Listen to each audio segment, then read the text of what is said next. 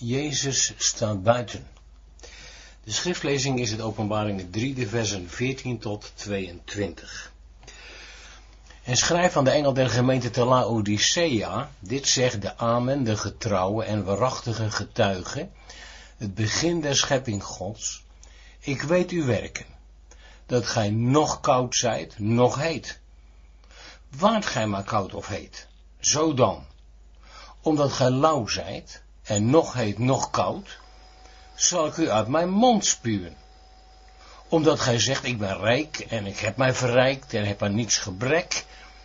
En ge weet niet dat ge zijt de ellendige en de jammerlijke en arme en blinde en naakte. Raad ik u aan van mij te kopen goud, dat in het vuur gelouterd is, opdat gij rijk moogt worden en witte klederen, opdat gij die aandoet en de schande uw naaktheid niet zichtbaar worden. En ogenzalf, om uw oogleden te bestrijken, opdat gij zien moogt. Allen die ik lief heb, bestraf ik en tuchtig ik. Wees dan ijverig en bekeer u. Zie, ik sta aan de deur en ik klop. Indien iemand naar mijn stem hoort en de deur opent, ik zal bij hem binnenkomen en maaltijd met hem houden en hij met mij. Wie overwint, hem zal ik geven met mij te zitten op mijn troon, gelijk ook ik heb overwonnen en gezeten ben met mijn vader op zijn troon, wie een oor heeft, die horen wat de geest tot de gemeenten zegt. De engel der gemeente van Laodicea kreeg een brief. Deze was geschreven door de apostel Johannes in opdracht van de Heer der gemeente, de Heer Jezus Christus. De inhoud ervan is bloedstollend, maar aan het einde is uitzicht. Er worden harde noten gekraakt. De Heer der gemeente neemt geen blad voor de mond. Zijn gemeente is nog steeds geen pretpark. De deur is nog niet definitief dichtgevallen. In de Nederlandse vertaling wordt de engel der gemeente met het beleefde gij aangesproken. In de grondtekst staat het familiaire jij. Heel persoonlijk. In het enkelvoud. Maar de gemeente gaat niet vrij uit. Over het hoofd van de voorganger van de gemeente heen wordt de hele geloofsgemeenschap aangesproken. Ieder lid is persoonlijk betrokken en medeverantwoordelijk voor de gang van zaken in de gemeente. In vers 20 staat, indien iemand mijn stem hoort. Niet alleen de voorganger moet horen, maar ieder lid van de gemeente even goed. Is er iemand, in het volgende vers staat, wie overwint? Niet alleen van de voorganger mag verwacht worden dat hij overwint, het geldt voor allen die bij de gemeente horen. En dit vers wordt opgevolgd door wie een oor heeft. Kan hiermee bedoeld worden dat zelfs als je maar één oor hebt, de boodschap is toch duidelijk? Daar kan toch geen misverstand over bestaan? Zelfs als je maar met een half oor hoort. Dit is nu de zevende brief die de heer van de gemeente aan de plaatselijke gemeente laat sturen. In de opeenvolgende brieven kan ook de ontwikkeling van het gemeentelijke leven door de eeuwen heen worden gezien. De situaties die beschreven worden nemen steeds ernstiger vormen aan. Deze gemeente heeft geen uitstraling. De heer van de gemeente heeft geen goed woord voor haar over. Maar de gemeenteleden hebben het nogal goed met zichzelf getroffen. Ik ben, ik ben rijk en ik heb mij verrijkt en heb aan niets gebrek. Het antwoord van de Heer ligt er niet om. Ik weet u werken dat gij nog koud zijt, nog heet. Waart gij maar koud of heet. Zo dan, omdat gij lauw zijt en nog heet, nog koud, zal ik u uit mijn mond spuwen.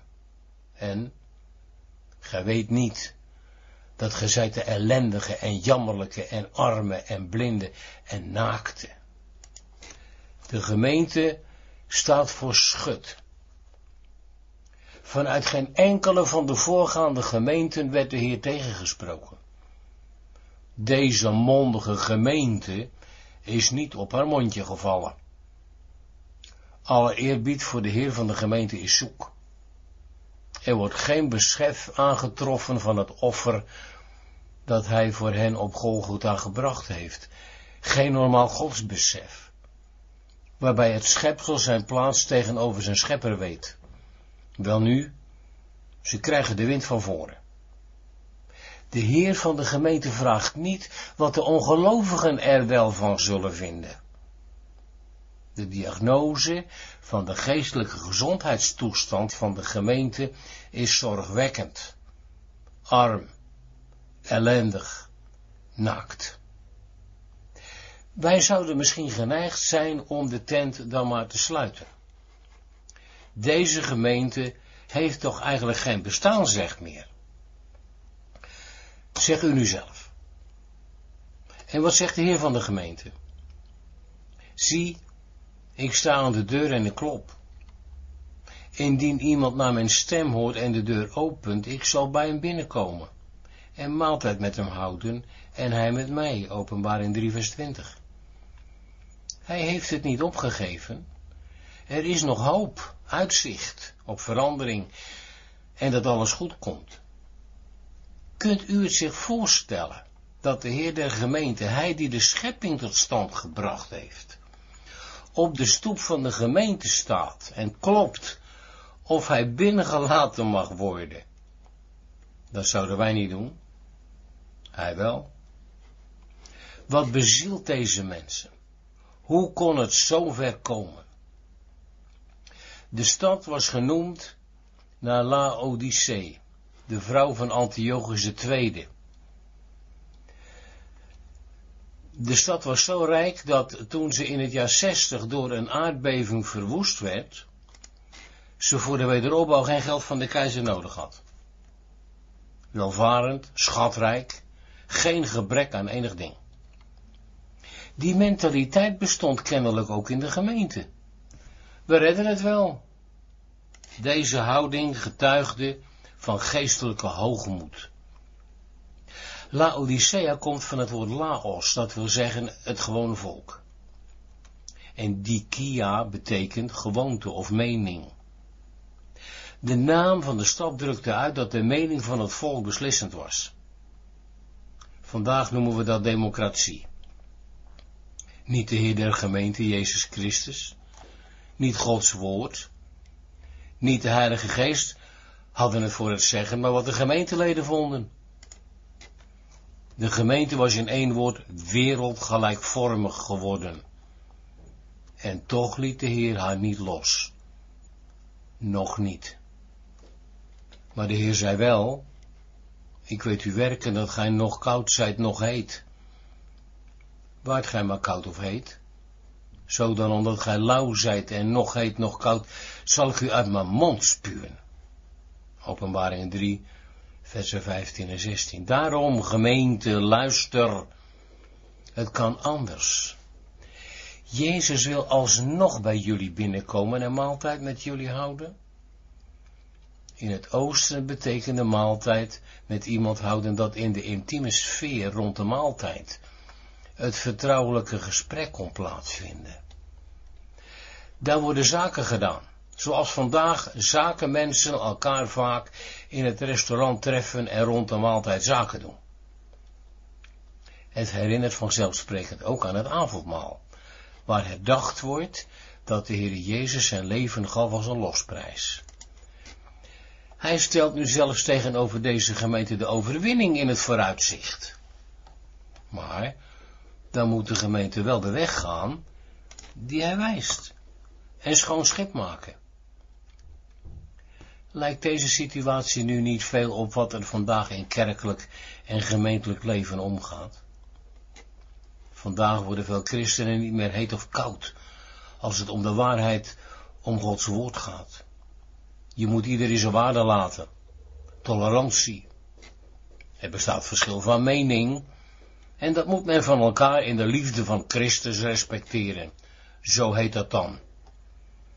Dit is zo onbijbels en ongeestelijk als het maar kan. Er is maar één evangelie. Er is maar één waarheid.